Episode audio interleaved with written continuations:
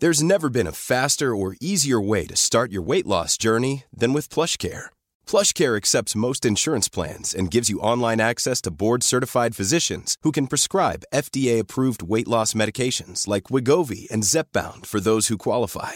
Take charge of your health and speak with a board-certified physician about a weight loss plan that's right for you. Get started today at plushcare.com slash weight loss. That's plushcare.com slash weight loss. plushcare.com slash weight loss.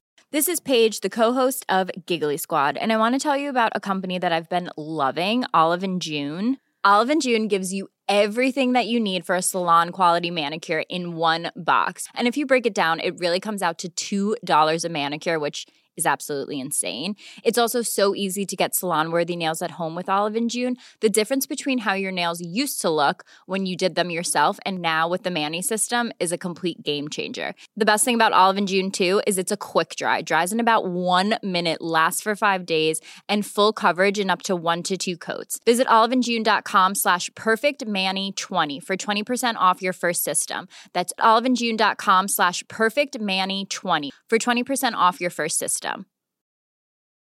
When you're ready to pop the question, the last thing you want to do is second guess the ring. At Bluenile.com, you can design a one of a kind ring with the ease and convenience of shopping online. Choose your diamond and setting. When you find the one, you'll get it delivered right to your door. Go to Bluenile.com and use promo code LISTEN to get $50 off your purchase of $500 or more. That's code LISTEN at Bluenile.com for $50 off your purchase. Bluenile.com code LISTEN.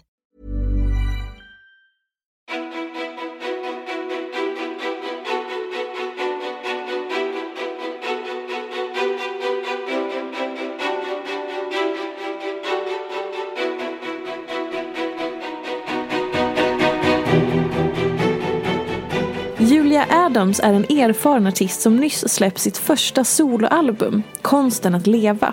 Som 16-åring startade hon bandet Little Marbles. Hon blev sen soloartist och har sedan dess släppt flera singlar och uppträtt på Popaganda, Stay Out West och Malmöfestivalen. Är det nu hon slår igenom för den stora massan? Självklart känner man när man lyssnar på hennes musik. Vad vill hon ta sig med musiken? Vilka känslor har hon svårt för? Vem är egentligen Julia Adams? Varmt välkommen till podcasten Ofiltrerat med mig Sofia Peterfia Ståhl. Hej och välkommen Julia! Hej, tack. Gud, vilka, jag fick så panik, vilka svåra frågor. ja, men, och vi kommer inte gå exakt in på de frågorna, men eh, nu när du ändå säger det. I, mm. så här, jag får intrycket av nu när jag har liksom börjat upptäcka dig. Mm. Eh, att du har ju ändå lätt för att sätta ord på känslor i och med att du skriver väldigt fångande texter. Ja, jag är mycket bättre på att skriva dem än eh, prata om dem. Det var det jag skulle säga, är ja. det en illusion? Eller rättare sagt, är det olika saker för dig? För mig är det verkligen olika saker. Och att skrivandet har alltid varit liksom mitt sätt att uttrycka mig på ända sedan jag var liten. Jag har alltid skrivit dagbok och så dikter och mm.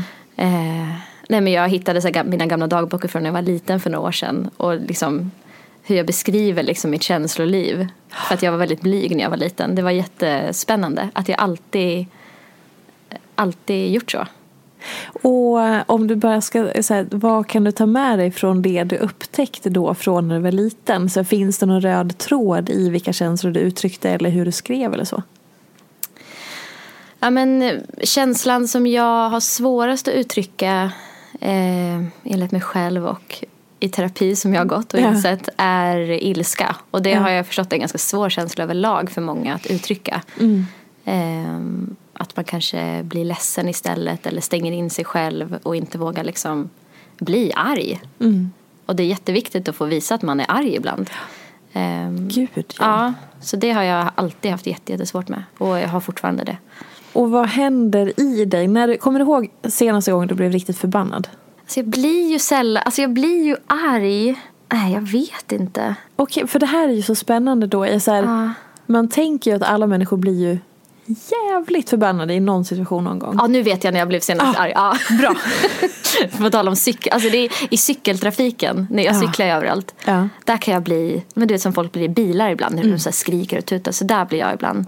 Men ut, det. uttrycker du det då? Ja, men jag gjorde faktiskt det. För jag, har, jag har känt att jag blir jättearg i sådana situationer. Och så säger jag ingenting om någon typ pekar finger åt mig eller skriker åt mig. Du vet som folk bara, och fast det är inte mitt fel liksom. Ja. Så blir jag så jätteupprörd och så säger jag ingenting tillbaks liksom. Men nu gjorde jag det. Det var ett gäng som gick på um, cykel, min cykelbana så här.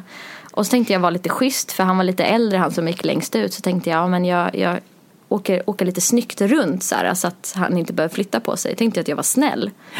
Då blir, han, då blir de jättearga på mig för att de blir rädda när jag cyklar bredvid dem. Ja. Och då bara, du kunde ha plingat. Och då stannade jag cykeln och så vände jag mig om och bara, du kunde ha gått på rätt sida vägen. och det kändes jätteskönt. Så då skrek jag tillbaka. Jag kände att det var jätteskönt. Men ehm, annars har jag, jag skriker ju aldrig liksom. Brukar du känna att du skulle vilja liksom s- göra det? Släppa Mm. loss allt? Ja, min terapeut tycker att jag ska gå ut i skogen Ja. med massa tallrikar och bara kasta dem. Och det vill jag inte göra för jag vill inte förstöra miljön. Men någonting annat då kan jag kasta. Ja. Kasta massa tallrikar mot en sten eller någonting och bara skrika typ. Tyckte hon att jag skulle göra. Men då, så här, vad gör det med dig? Att, vad tar den här ilskan vägen? För den, om, det, om det... Min teori är att det läggs ju någonstans, Mm. även om man inte uttrycker det. Det slutar ju ofta med att jag blir eh, så arg om det är någon person som har liksom gjort någonting mot mig eller sådär. Att då bygger jag, det byggs upp i min kropp jätte, jättelänge. Och sen slutar det med att jag bara, ja, hej då. Så. Jaha, du Att stänger... jag drar, jag stänger av, jag drar bara. Jag backar, drar, så. Du är slut typ? Eller Ja, du typ. lämnar... Eller, ja, eller det kan vara vänner, familj, alltså eh, folk jag är ihop med. Att jag Mm. liksom bara eh, total blir så iskall och bara stänger av. Att Mm. det blir min... Eh, och det har jag ju förstått är ju fruktansvärt att bli eh, drabbad av. Men blir det då som typ silent treatment? Alltså, du lämnar situationen och, och Ja, går men helt, iväg? om, men helt omedvetet. Jag gör det inte för att straffa. Alltså det är verkligen inte. För jag vet Nej. att vissa gör ju så här i förhållanden att de liksom, ah, nu ska jag inte prata med dig på flera dagar för nu är jag arg. Det är, det är för jag, jag bygger upp någonting i min kropp så till sist kan jag liksom inte ens titta på den här personen för jag är så förbannad liksom. Jag kan liksom inte, Vet den om det, det då? Har, du- har du uttryckt det på något vis att den förstår vad som är på väg att hända? Eller är du, har du ett pokerface som gör att man tror att allting är frid och fröjd? nej man ser på mig. Okej. Ja, jag tror man ser på Ja. det är så spännande. Ja. Men och den här ilskan då, påverkar den din kreativitet? Ja, den kan påverka min kreativitet, kreativitet positivt. Ja. Alltså för jag skriver ganska mycket arga låtar. Ja. Så där känner jag att jag verkligen kan kanalisera. Alltså alla känslor är jag jättebra på att skriva om. Men eh, mindre bra på att hantera liksom, i verkliga livet. Vad har du framförallt lärt dig i terapin då? Men typ att jag, att jag är värd att typ, att, att så här, ja men att jag är värd att må bra tror jag. Mm. Att liksom, det krävs jobb men att jag är värd det på något sätt. Så. If you're looking for plump lips that last, you need to know about Juvederm lip fillers. With Juvederm Volbella XC and Juvederm Ultra XC, your lip look, whether it's subtle or bold, can last up to one full year with optimal treatment and no additional maintenance. Find a licensed specialist and see if it's right for you at juvederm.com today. That's J U V E D E R M.com. Add fullness to lips in adults over 21 with Juvederm Volbella XC or Juvederm Ultra XC. Do not use if you have severe allergies or a history of severe allergic reactions, or if you're allergic to lidocaine or the proteins used in Juvederm. Tell your doctor if you have a history of scarring or taking medicines that decrease the body's immune response or that can prolong bleeding. Common side effects include injection site redness, swelling, pain, tenderness, firmness, lumps, bumps, bruising, discoloration, or itching. As with all fillers, there's a rare risk of unintentional injection into a blood vessel, which can cause vision abnormalities, blindness, stroke, temporary scabs, or scarring. For full important safety information, visit juvederm.com. When you're ready to pop the question, the last thing you want to do is second guess the ring. At Bluenile.com, you can design a one of a kind ring with the ease and convenience of shopping online. Choose your diamond and setting. When you find the one, you'll get it delivered right to your door. Go to Bluenile.com and use promo code LISTEN to get $50 off your purchase of $500 or more. That's code LISTEN at Bluenile.com for $50 off your purchase. Bluenile.com code LISTEN. There's never been a faster or easier way to start your weight loss journey than with PlushCare. PlushCare accepts most insurance plans and gives you online access to board-certified physicians who can prescribe FDA-approved weight loss medications like Wigovi and Zepbound for those who qualify.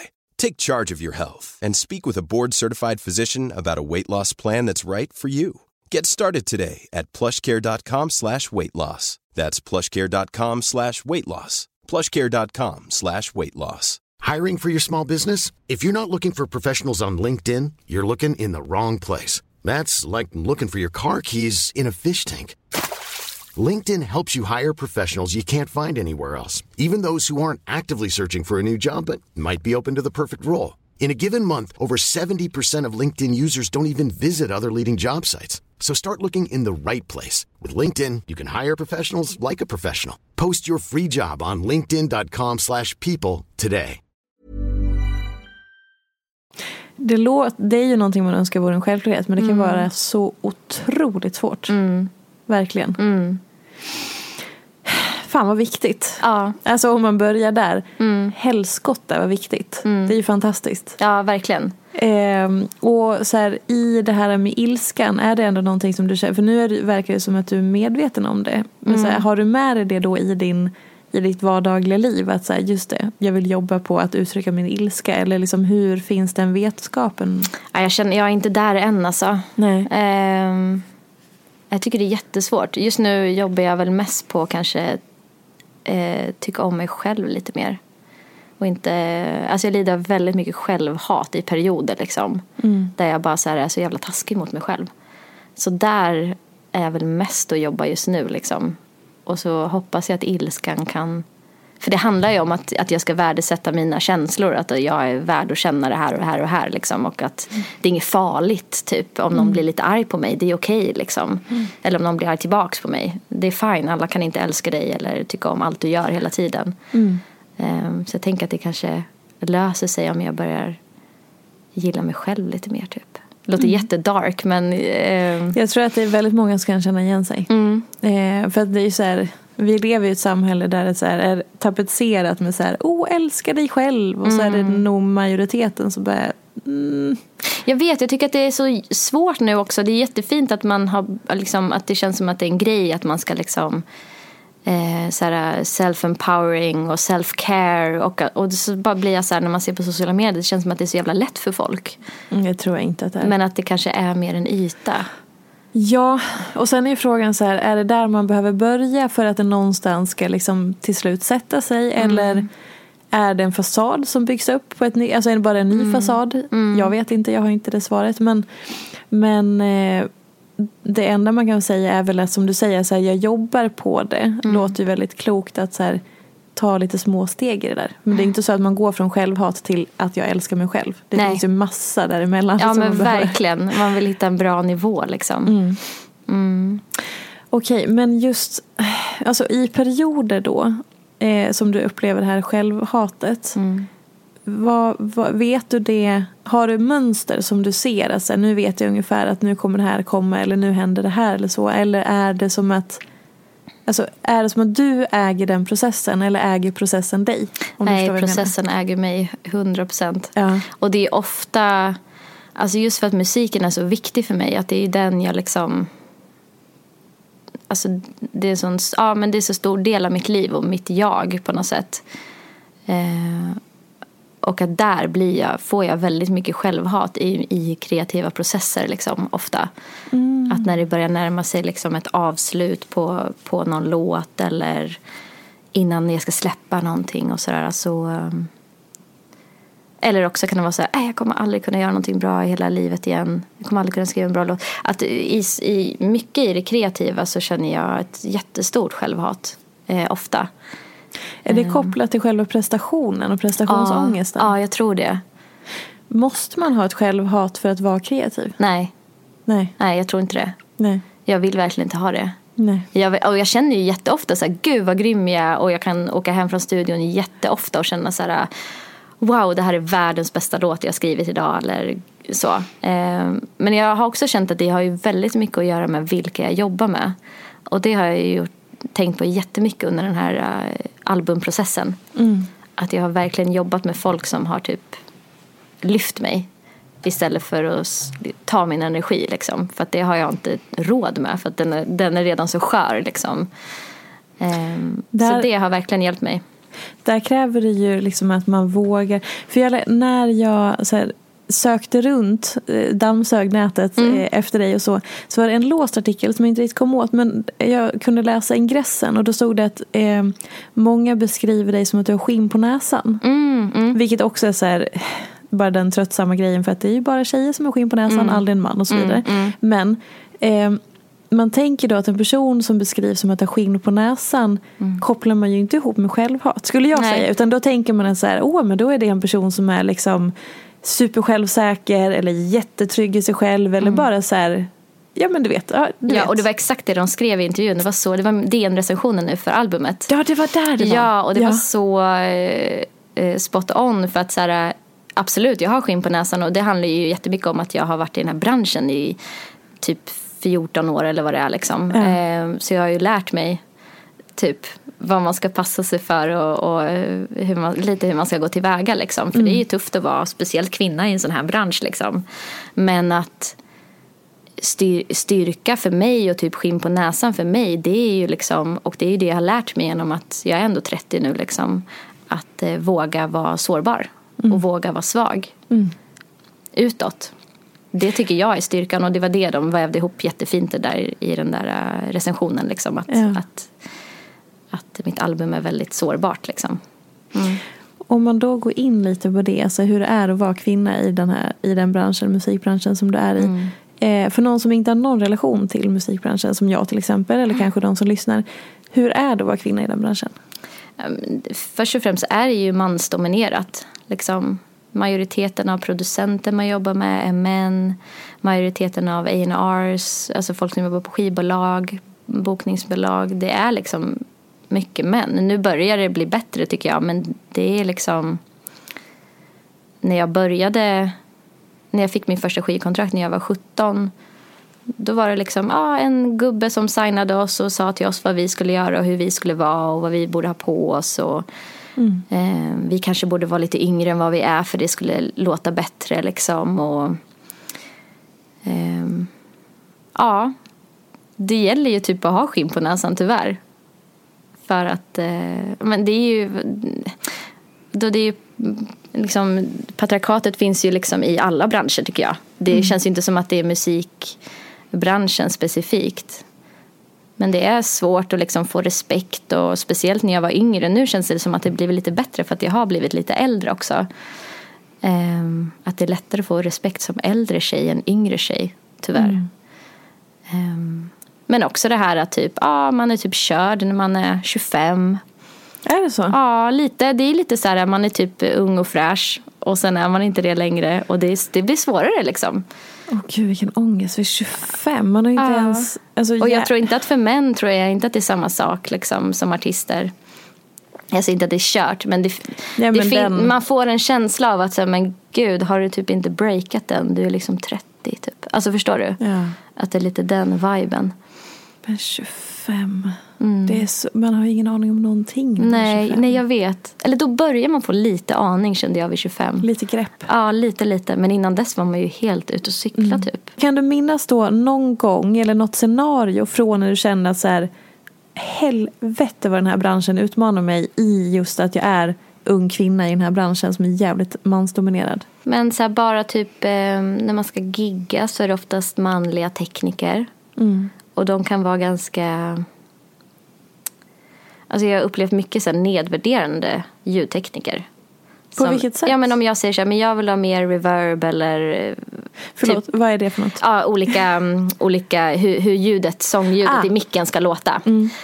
Um, det kan vara vad som helst liksom. Och då får man liksom inte den responsen för de tycker att ljudet är bra som det är. Men det är jag som ska bestämma hur mitt ljud ska låta. Mm. Och han ska ju lyssna på mig. Det ska inte vara tvärtom att jag ska bara, nej men det blir säkert jättebra. Bara du känner att det är bra. Mm. Det är ju bara jag som ska stå här på scenen. För mig spelar det ingen roll. Alltså det är lite att man ska ha den nästan.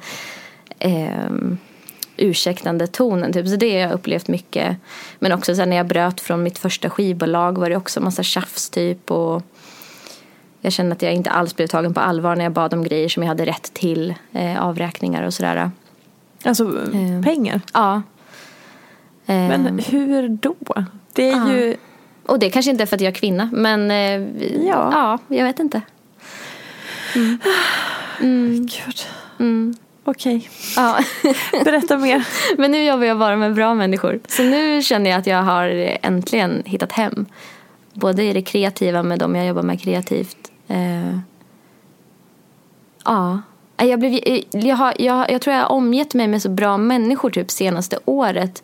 Att jag har blivit chockad när det väl det hände någon grej när jag skulle spela in eh, blåsinstrument med några som jag inte kände innan som kom in och skulle lägga blås. Och så var det jag och så var det producenten som jag jobbat jättemycket med och han är jättefin liksom. Och så kom de här tre killarna in. Och de bara, eh, jaha det är du som sjunger på låten frågar de så här. Jag bara, ja, sa jag då bara. Och så det var som att de undrade vad jag gjorde där liksom. Men jag ville ju hålla koll på så att de spelade som jag ville att de skulle spela på låten, liksom, min låt. Exakt. Eh, och så satte jag mig bakom dem. Och så frågade de igen. De bara, ah, så du, du är sångaren? Jag bara, ah, alltså jag, jag har ju skrivit låten. De bara, mhm. Så här, tyckte typ att det var jättekonstigt. Och så började de spela och så hade jag lite feedback. Så här, men kan ni göra lite mer så här och bla bla bla bla bla. Och de typ tittade inte ens på mig. De tittade bara på producenten. Så producenten fick medla. För han var ju man då. då. Han fick liksom medla mellan oss för att de lyssnade inte på mig. Men va? Och så, så till sist så bara, sa jag bara, nej men jag tror att jag, eller då gick jag ut till min manager och bara, gud det här, är- han, det var bara det här är det sjukaste, jag har inte varit med om det här på så många år. Insåg jag då, jag bara, Ja. gud, det är så här det var typ jämt förut för mig. Eh, och han bara, ska jag gå in och säga till dem? Jag bara, nej det är lugnt. Så, här. så gick jag bara in och bara, det blir skitbra, jag går nu, ni löser det här. Typ. Och så nickade jag lite till producenten och han bara, typ så. Eh, tyckte också att det var lite konstigt tror jag. Gud. Och så gick jag. Blev det som du ville ha det? Det blev jättebra för att jag, han visste ju vad jag ville ha producenten så det löste sig. Men eh, då insåg jag att så här, oj vad, vad jag har varit i min bubbla med typ bara bra killar av de killarna jag jobbar med. Liksom, att jag verkligen har så här, fina människor omkring mig nu. Shit, det där är, alltså dåligt bemötande är ändå fascinerande. Mm. När, och när det blir sådär uttalat Mm. som det var där och då i den stunden. Mm. Okej, men då i det då, så här, vad på, när, när du var med om den här situationen så kom Mm. du på att så här, åh gud, så här var det hela tiden. Var det någon specifik situation som kom upp? Alltså ibland kommer man i kontakt med några minnen eller upplevelser som har varit då. Mm. Var det någonting som du kom i kontakt med då från hur det var förr? Nej men det har ju varit alltså, både stort och smått. Men att så här, jag har kunnat ringt en producent och bara det låter inte som jag vill. Så här, det här känns inget bra. Eh, och jag nästan gråter i frustration för att så här, det här, det, jag vill inte att det ska vara så här. Och han säger men jag har mer erfarenhet, lyssna på mig liksom. Ehm, ja, mycket sånt.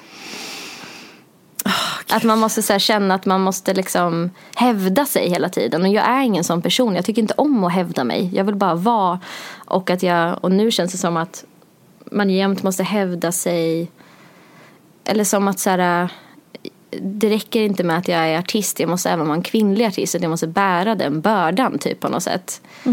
Ehm, som män, manliga artister inte behöver göra. De kan bara vara artister.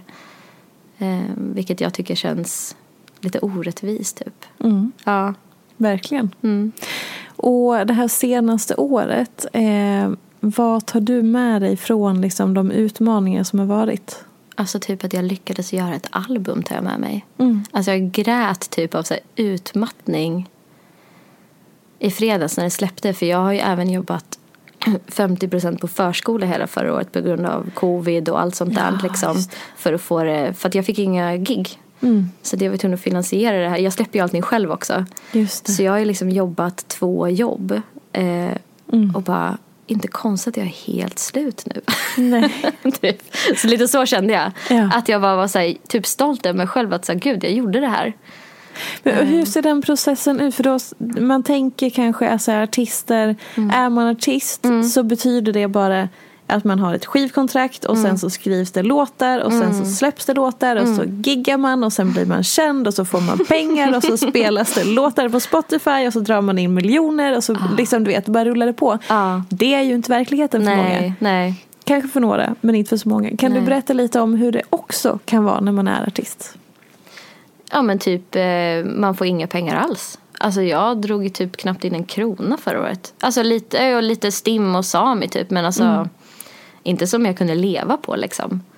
Så att ehm, Nej det är ett jävla slit liksom och sen det är ju inte heller bara att släppa en låt för man vill ju även att folk ska upptäcka låten. Så det är ju allt runt omkring som man vill ja, men man vill eh, nå ut med låten. Så det är mycket sånt man sitter med. Så här, PR, hur ska vi göra? Liksom, ehm, ja, jag vet inte. Och när du säger att du finansierar allting själv, liksom, hur, ser, hur ser hela den processen ut? Man tänker att så här, ma- man har ingen insyn. Nej. Hur funkar det då? Alltså vad pengarna går till och sådär tänkte Ja, du, eller? men precis. Ja, ja. Nej, men det är dels produktion, eftersom jag inte proddar själv så måste jag ju betala en producent eh, för liksom, produktionerna. Och så är eh, PR kostar ju om någon gör ens PR. Ehm, ja, men, trycka affischer kostar. Ehm, ja, göra videos kostar. Fota pressbilder kostar. Göra omslag kostar. Eh, allt det grafiska kostar. Ehm, ja, så det är mycket pengar liksom. Och då kanske man undrar, eller då undrar jag, Mm. dels här, var kommer de pengarna ifrån då? Om vi tar den frågan först. Mm. Ja, men nu kommer de från mig eftersom jag inte har ett skivbolag. Mm. Eh, om man har ett skivbolag så får man ju ofta ett förskott från dem. Där man kan eh, så portionera ut de här grejerna liksom på. Så då, har, Mm. då är det ditt bolag som har eh, pengar i kassan som du investerar i den här låten då till exempel? Ja, förhoppningsvis så kommer jag liksom gå runt. Mm. Ja, jag har, inte, jag har inte gått till plus minus noll än. Och om man då säger så här, men vad kostar det att göra en låt? Om man säger, eller säger ett album till exempel. Alltså vad, vad Mm. Oj, är det för så pengar man olika. räknar? Så här, ja, men trycka affischer och inspelning av videos och liksom alltihopa. Om man säger, vad kostar det att göra en låt då? Eller ett, en alb, ett album? Ett album, eh, alltså det är ju jätteolika. Det beror på, frågar du mig eller frågar du Sara Larsson? Ja, alltså det är ju så här, det beror helt på vilka människor man jobbar med. Och så här, hade jag haft mer pengar så hade jag ju såklart gjort ännu fetare videos kanske. Och liksom, eh, ja, och också med live-biten. När den kommer igång då hade man kunnat gjort mycket större shower om man hade haft ekonomin och sådär. Så att, ehm, nej men det kostar några hundratusen liksom. Det är ja. Och då, tänk, då liksom är eh, förhoppningen då att man får liksom tillbaka det i sen när låten gör succé eller Exakt, albumet och ja. så spelas den och då kommer det in pengar Exakt, tillbaka. och just för att jag äger ju nu mina låtar till skillnad från om jag skulle ha ett skivbolag. Så jag det. äger ju mastern så att så här, ehm, förhoppningsvis får jag tillbaka lite pengar när folk Vad lyssnar. tjänar man på en låt? Det Eller så, hur funkar det? Men man tjänar ju, alltså det är ju egentligen mest live man tjänar pengar. Alltså så. Mm. Och blir bokad på gig. Och det är därför det har varit så tufft för så många nu. För det är ju där, eftersom man säljer ju inte skivor längre på det sättet. Utan Mm. allt streamas ju och där finns det inte jättemycket pengar att hämta. Och sen får man ju lite pengar när man spelas på radio. Och, och när det spelas i affärer och sådana grejer liksom. Mm. Men eh, det är inte supermycket om man inte kommer upp i stora liksom. Eh, stora streams liksom så. Vad är det som gör, eh, liksom, som är det, hur formulerar så här? Hur formulerar du ditt brinn för Mm. musiken? I och med att det, som du säger, det är otroligt hårt arbete. Mm. Det är att göra mycket själv, att investera sina liksom, pengar som man verkligen har jobbat hårt för och sen så våga satsa på det. Mm. Och hoppas att det ska liksom slå eller komma tillbaka och sådär. Mm. Vad är det som, som gör att du känner så här Fy fan, det här är så värt det. Det här är verkligen det jag brinner för. Det här är min passion. Liksom, Mm. Hur formulerar du det? Men jag, alltså jag har ju varit jätte, eftersom jag har hållit på så många år så har jag ju verkligen gått upp och ner i så här, nej men jag lägger ner liksom, eh, viben har jag ju varit så många gånger. Eh, men det slutar alltid med att jag fortsätter ändå liksom. Ja. För att det är typ det jag tycker är kul. Mm. Alltså det som typ ger mig det ger mig liv att hålla på med musik på något sätt. Att så här, mycket av det andra i livet är så här, det är inte jag, det finns inte jättemycket andra syften, förstår du? Alltså det är så här, relationer och liksom allt sånt är superviktigt. Och sen är det musiken typ. Att det är de två grejerna som är syftet för mig typ. Ehm, så det är därför jag fortsätter och sen försöker jag alltid väga så här, är det mer fördelar än nackdelar eller vice versa liksom. Och det slutar ju alltid med att jag inser att så här, ja, men den här kicken jag får när jag skriver en bra låt eller när jag får stå på scen eller något sånt liksom. Det överväger ju allt det här självhatet och eh, att jag aldrig har några pengar och liksom allt det där på något sätt. Um, ja, så det är där jag är. Men det går verkligen upp och ner liksom. Men nu när jag släppte skivan i fredags och så hela helgen, jag har ju varit helt euf, euf, euforisk heter det. Ja. Eh, och bara, hur har jag någonsin kunnat tvivla på mig själv? Alltså sådär. Jag kommer väl ramla ner igen. Någon gång. Men just nu är jag där uppe och det känns jätteskönt. Gud vad härligt. Ehm, men så här, vad, jag blir nyfiken på var du skulle säga att du befinner dig i ditt liv. Det är ju för sig mycket det som, som musiken handlar om också. Men var är du här och nu? Förutom att du är här uppe då i så här, lyckan av att ha släppt albumet. Men var är du i livet? I livet? Ehm, kanske lite vilsen i livet tror jag. Och det är kanske därför som musiken har varit ännu viktigare typ. Ehm, att det är den som kanske ger mig en riktning.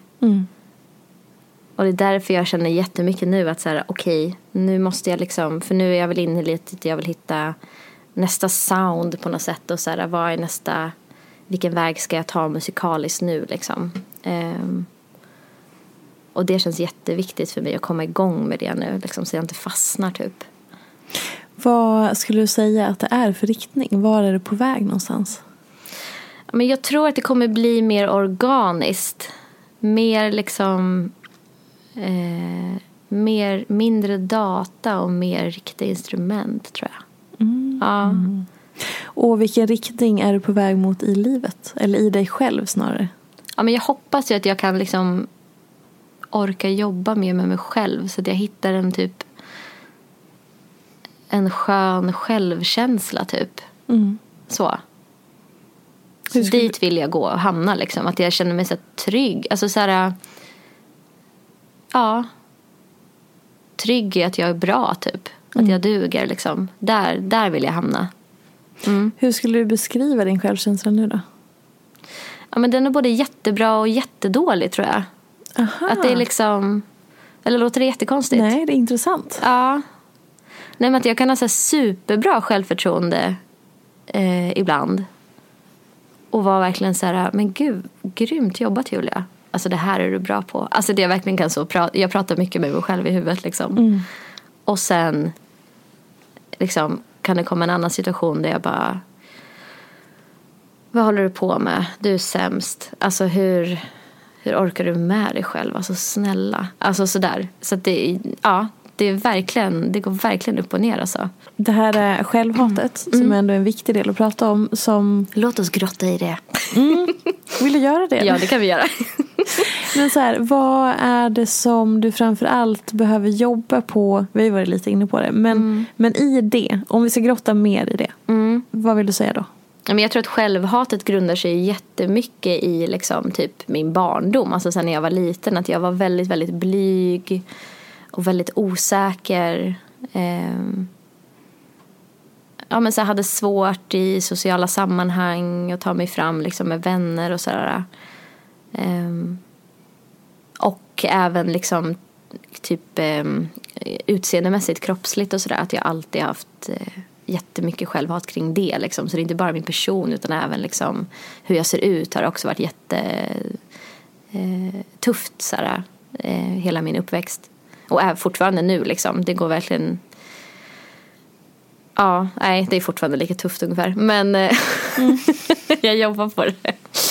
Men eh, så att jag tänker att allting kommer därifrån. Eller det lär man sig ju i terapin att så här, allt handlar om lilla Julia på något sätt. Och så här, hur ska vi hur ska jag hjälpa mig själv ur det och komma vidare på något sätt. Ehm, och det är jättesvårt, alltså, för det sitter så djupt liksom, att man inte liksom är enough på något sätt. Att det går ju alltid att bli bättre, snyggare, eh, mer framgångsrik eller vad, vad det nu kan vara. Liksom. En bättre kompis eller... Men ja, så att jag vet inte. Att hitta någon slags... Och kunna landa i att det är okej, typ. Ja. Så viktigt och så svårt. Mm. Eh, prestationen är ju, alltså, det är ett återkommande tema för nästan alla mina gäster. Eh, och det är att vi någon, någonstans alltid hamnar i prestation. Eh, och vi är så, vilket man förstår, för att vi blir så formade av eh, prestation i alltihopa som är. Och vi har uppfostrats på ett visst sätt och vi formas av ideal och trender och samhället och normer och alltihopa. Men, Och det är ju någonting, för det är allt det du beskriver, alltså man kan alltid bli bättre eller se bättre ut eller så vidare. Så, det, så här, det är ju också prestation Ja. i det hela tiden. Ja. Och det är väl det som är det svåra någonstans, att, att försöka befria sig från prestation när det handlar om ens självvärde eller självkänsla. Men många av oss är ju väldigt eh, eh, prestationsinriktade liksom ända in i märgen Ja. för att det är det man har lärt sig som du säger. Ja, men att värdet sitter i vad man gör på något sätt eller hur man... Exakt, Ja. verkligen. Ja, nej, men jag kan ju känna ibland att så här, när det blir för intensivt att jag kan känna så här, nej, jag går hellre och gömmer mig under en sten än att göra något alls. För det kommer ändå inte bli bra typ. Eller det, känns, det känns som så här, känner inte alla så eller? Nej. Jag vet inte. nej, det kanske inte är, för jag känner, tänker att så här, men det, är- ja, men det är för att jag vill att det ska bli så jävla bra tror jag. Perfektionist eller? Ja, Fast jag är inte det, jag vet inte. Nej. Jag är ganska slarvig typ med mycket saker. Ja. Men, ja. Jag vet inte vad det är. Att jag, jag får sån jävla ja, men så här prestationsångest. Att jag, så här, jag gör hellre ingenting alls nu. Nu bara lägger jag mig under täcket i fem dagar. Jag gör ju inte det, men jag vill det liksom. Ehm, än, att, än att liksom typ försöka lösa den här äh, produktionen på låten. Eller, för det kommer, ah, det kommer ändå inte bli som jag vill. Ah, så här. Som att det låser sig lite. Ja, ja. Ja, gud, alltså det är, jag tror att många kan känna igen sig. Men om du ska, eh, för jag vet att det även om vi pratar om psykisk ohälsa och vi pratar om välmående på olika sätt, vi pratar om hälsa, så är det ju fortfarande svårt. För att det är mycket det är mycket som ska sorteras i allt det här och det är liksom så. Men om man då så känner så här, okej men ah, jag skulle också vilja börja i terapi eller jag skulle vilja jobba med mig själv och det här liksom låter ändå du, du är liksom mer, börjar bli medveten om dina olika saker du behöver liksom förstå kring dig själv och utmana dig själv i och sådär. Ehm, vad skulle du vilja säga till den som lyssnar som har är på en liknande plats helt enkelt? Ja, men att ta dig själv på allvar. Att liksom du är viktig och du är värd att liksom... Eh, men som man går till ett jobb liksom. Att jobba på sig själv det är också ett jobb som är jätte, jätteviktigt liksom. Och eh, ja, för mig, jag tycker att terapi har varit eh, eh, jättevärdefullt liksom. Ehm, men man måste också gå in med ett öppet sinne och hitta så rätt person tror jag. Exakt. För det finns som i alla yrken, det finns liksom terapeuter och terapeuter. Ja. Ja. Um, alltså det är väl det och typ kanske inte så här vänta tills man är när gick jag första gången? Då var jag typ 27. Alltså gå när du är 22. Alltså varför vänta typ? Ja. Vad var det som fick dig att ta det avgörande steget till att faktiskt börja gå? När du var 27? Ja, det var väl kanske lite längre sen till och med. När jag tänker efter. Men det var när jag eh, bröt med mina föräldrar. Eh, vi har en jättekomplicerad relation och då kände jag att... Eh, ja, och samtidigt tog en relation slut så det var som att hela typ bara marken bara rämnade och jag bara, jag behöver något att hålla i. För, jag bara, jag klar, för det var som att så här, jag alltid klarat mig själv och nu bara, jag vet inte hur jag ska klara det här själv. Ehm, för jag kände mig så ensam liksom. Så då sökte jag eh, hjälp. Första gången. Fan vad starkt. Ja, jag, ja jag, jag, är faktiskt fascinerad att jag gjorde det. Men det var, mm. det var eh, två kompisar som var på mig som djur. Mm. Alltså det, utan dem hade jag inte gått. Nej. De var, har du ringt idag? Har du mm. ringt? Alltså varje dag. Till sist fick man ju så dåligt samvete för att man inte hade gjort det. Mm. Och för att de liksom trodde på mig. Att så här, du klarar det här, kom igen nu liksom. Så det började med att jag gjorde det för att de typ nästan skulle sluta tjata typ.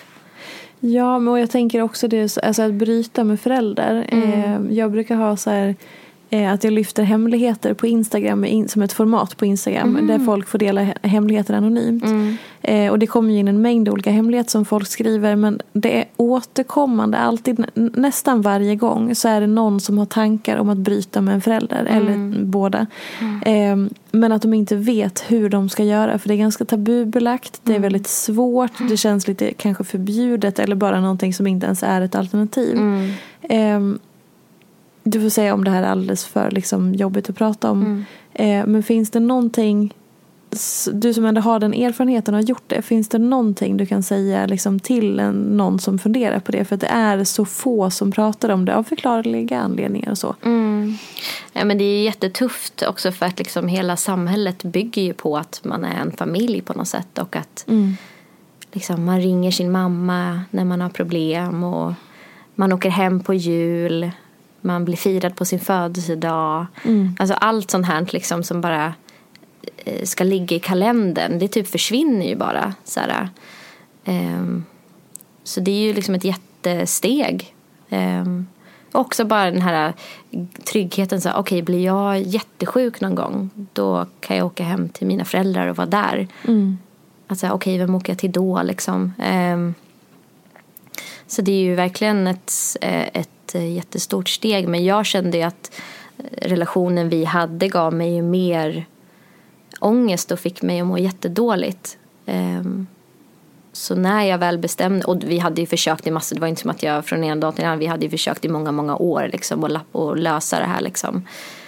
Um, så det tycker jag verkligen att så här, eh, vill man lösa det, försök. Det är inte, man ger ju inte bara upp i första taget. Liksom. Mm. Det är ändå ens föräldrar. Så här. Men känner man att relationen, att man inte förstår varandra och att det ger får en att må dåligt, liksom, då ja, det kanske är det som krävs. Liksom. Och det behöver inte vara för alltid, ett tag. Mm. Eh, så kanske man hittar tillbaka till varandra längre fram. Eller kan, kanske kan gå i terapi ihop om båda vill det. Liksom. Eh, eller ha en ytlig relation. Så kan man ju också ha. Man behöver inte ha en jättedjup eh, föräldrarrelation. Där man liksom delar med sig av allt och ringer varannan dag. Och det kan vara lite ytligt. Man säger god jul när det är jul och mm. grattis när någon fyller år. Liksom. Um, så man, ja. Men det är jättesvårt för att man jämför ju jättemycket med folk omkring sig. Liksom. Att så här, ja, de åker hem till sina föräldrar och oj nu ringer mamma på telefonen. Då kan man få ett lite sånt, det gör ju lite ont i hjärtat fortfarande fast det har gått flera år för mig kan jag fortfarande känna att eh, jag blir avundsjuk. Mm. Verkligen. Men eh, jag har jätteturen att jag har jättefina människor omkring mig som inte är min familj men som har blivit som min familj. Som jag vet alltid finns där för mig. Och jag har min syster fortfarande som jag är jättenära. Mm. Mm. Tack för att du berättar om det. För det är mm. ju någonting som jag tror är betydligt vanligare än vad, vad man kanske tänker på. Att, ja. att just så här, föräldrarrelationen det pratas väldigt lite om det och det mm. kanske har att göra med att man har sina föräldrar i livet och man vill inte hänga ut någon eller man Nej. vill inte så. Men också att det är så tabubelagt. Det är mm. som att den relation, eller jag upplever ofta att många relationer sätts på någon slags gräddfil. Att mm bara för att man är släkt eller familj så ska man automatiskt ha en viss typ av nära relation. Mm. Så är det ju inte i verkligheten. Men, men, det pratas inte så mycket om det. Eller som att man antar att bara för att man är syskon så ska man vara bästisar mm. eller supertajta eller sådär. Um, så att um, jag tycker alltid det är så viktigt att nyansera relationer. Precis som att man kanske gör det med parrelationer. Folk pratar kanske lite mer öppet om att man går i par, parterapi mm. eller mm. har kris ibland eller sådär. Mm. Men också i så andra familjerelationer. Ja men jag har insett nu, för jag har ändå pratat en del om det nu känner jag. Mm. Eh, och även jag släppte en låt som heter Mamma för några år sedan. Som handlar just om, om liksom, ja, men saknaden efter den relationen. Liksom. Eh, och när jag släppte den, alltså jag var, gud. Alltså det var jättejobbigt just för att man har ju bara en mamma. Men när man skriver om andra personer så är det, man namnar ju liksom inte. Men det där blev ju så tydligt vem det var om. Men jag fick så, det var så värt det för jag fick så mycket respons. Alltså så mycket, ja men framförallt döttrar liksom. Som skrev att så här, ah, jag känner verkligen igen mig, jag har inte någon relation med min mamma. Och något sånt, det har inte jag hört om innan. Nej. Jag har bara hört liksom, om så här, hur man hyllar sina föräldrar och, eh, och sådär på sociala medier och i tv och sådär. Men inte så mycket om det här eh, motsatta liksom. Nej. Ehm, Så att eh, jag tror att det är jätteviktigt att prata om det och ju mer jag har pratat med folk om det så inser man ju att alla familjer är ju lite fuckade. Nej men alltså det finns ju, jag vet inte en enda, liksom, jag känner inte en enda person som, som har en så här helt solid, konfliktfri, eh, Nej. normal, vad nu det är, liksom familje... Det är faktiskt inte jag situation. heller tror jag. Nej. Det finns alltid något litet spöke där som liksom, Ja. något som har hänt liksom som man inte har bearbetat med varandra och som man är lite Ja. det där kan vi inte prata om och Mm. ja, men om han kommer på släktträffen då blir det jobbigt och ja men att det ja, Gud ja, det finns. Ja. Mm, Ja, nej. Jag började tänka, fick upp alla mina närmsta i och deras familjer och min egen släkt och alla. Alltså det blir så här, ja nej. Mm. Det finns mycket issues där ute. det gör ju det. Vilket kanske hör till om man vill, Ja. om man vill så. Men också att så här, vi mår nog bättre allihopa av att prata lite om det och lyfta på det locket ibland. Och bara Mm. Ja. så här, det är familj, det betyder, som, som, det tycker jag ändå är fint som min mamma alltid har sagt. Att så här, familjen och släkten den får man. Men sina vänner, den, de väljer man. Mm. Ja, Och det är så här, ja, då är det väl inte konstigt. Det är ju som när man blev satt i grundskolan och fick klasskamrater man skulle Exakt. gå med i flera år. Ja. Så här, ja, man valde ju inte varandra. Nej. Man fick hänga för det var det som erbjöds. exakt. Sen kanske man valde att släppa sig själv fri när man kunde liksom åka vidare till vuxenlivet eller sådär. Mm, mm, Eller liksom tonårsperioden. Ja, intressant. mm. Och innan vi avslutar nu så ska du få den sista frågan som alla mina gäster får. Okej. Och det är fri tolkning. Mhm. Bara det första som kommer till dig. Vad är inte som det ser ut? Typ människor, Ja. tänker jag. Mm. Ja. Vill du utveckla lite? Nej men jag tänker att vi alla bär på saker som ingen ser. Mm. Och att man ska försöka, eller det jobbar jag mycket på, att försöka att inte vara, ha fördomar om människor. För att man vet inte vad folk bär på eller liksom, eh, ja, försöka känna in och liksom förstå människor istället för att döma ut dem direkt liksom. Om man inte är på samma sätt eller är olika liksom. Ja. Så, mm. Fint. Bra. Och nu berätta allt om albumet. Var folk kan lyssna, hur man hittar det, man ska följa dig på Instagram och allt det där. Ja, mitt album heter Konsten att leva. Finns på alla plattformar. Alltså Spotify, Apple, Tidal tror jag. Eh, finns lite videos på Youtube man kan kolla på. Jag heter Julia Polly Adams på Instagram. Där får ni jättegärna följa mig. Ja, tack för att ni har lyssnat. Tack för att du kom hit. Tack och snälla. eh, jag hoppas verkligen att alla de här låtarna bara så flyger ut så långt de kan och att många upptäcker dig. För det är fantastiskt fina låtar. Och texterna. Alltså, Tack snälla. Det, är det en åldersgrej eller att man när man blir äldre så ser man texterna på ett annat sätt och tar till sig dem? Jag har Eller? ju alltid gjort det. Jag har ju alltid varit sån textnörd. Eller kanske inte är Jag tror, jag tror att det är en personlighetsgrej. Eller har du inte alltid varit Men, så? nej, för jag har, all, jag har aldrig tänkt på texter förut. Men jag har för, Mhm. undrar om jag läste om det här någonting. Att man så här, i olika skeden. Eller någonting. Att ibland så är man bara i att man liksom lyssnar på beatet. Eller Ja. på rytmen och Ja. sånt. Och sen i ett annat skede så är man i texten. Det kanske är någon sån var man är i livet liksom. Eller något. Ja, men typ, ja, för jag tänker att musik, man kan ju finna tröst och känna sig mindre ensam men även få massa glädje. Alltså, så här, man, kan ju, man delar ju känslan då med någon annan typ och det är det som är det fina med musik. Typ. Ja. Ja. ja, det är så spännande. Men lyssna verkligen. För det, och lyssna från början till slut. Mm, verkligen. Det är så att det hänger ihop. Ja, jag älskar ju album. Eh, Exakt. så för mig är det jätteviktigt att ni lyssnar hela igenom som man gör. Ja, som folk gjorde förr. Precis. Ja. Ordentligt ska det vara. En, två, tre, fyra. Mm, verkligen. Och sen kan man välja ut sina favoriter och hoppa runt. Ja. Ja, jättebra. Hörni, tack för att ni har lyssnat och tack för att du kom hit Julia. Tack och vi hörs snart igen. Puss och kram. Vi ses snart på stan. Hej då! Följ mig gärna i sociala medier. Jag finns på Instagram som peterfia och bloggar på peterfia.se. Jag blir så glad om du vill recensera den här podden, prenumerera och lämna gärna önskemål på gäster. Vi ses i sociala medier. Ha det gott så länge. Hej då! En podd från Allermedia.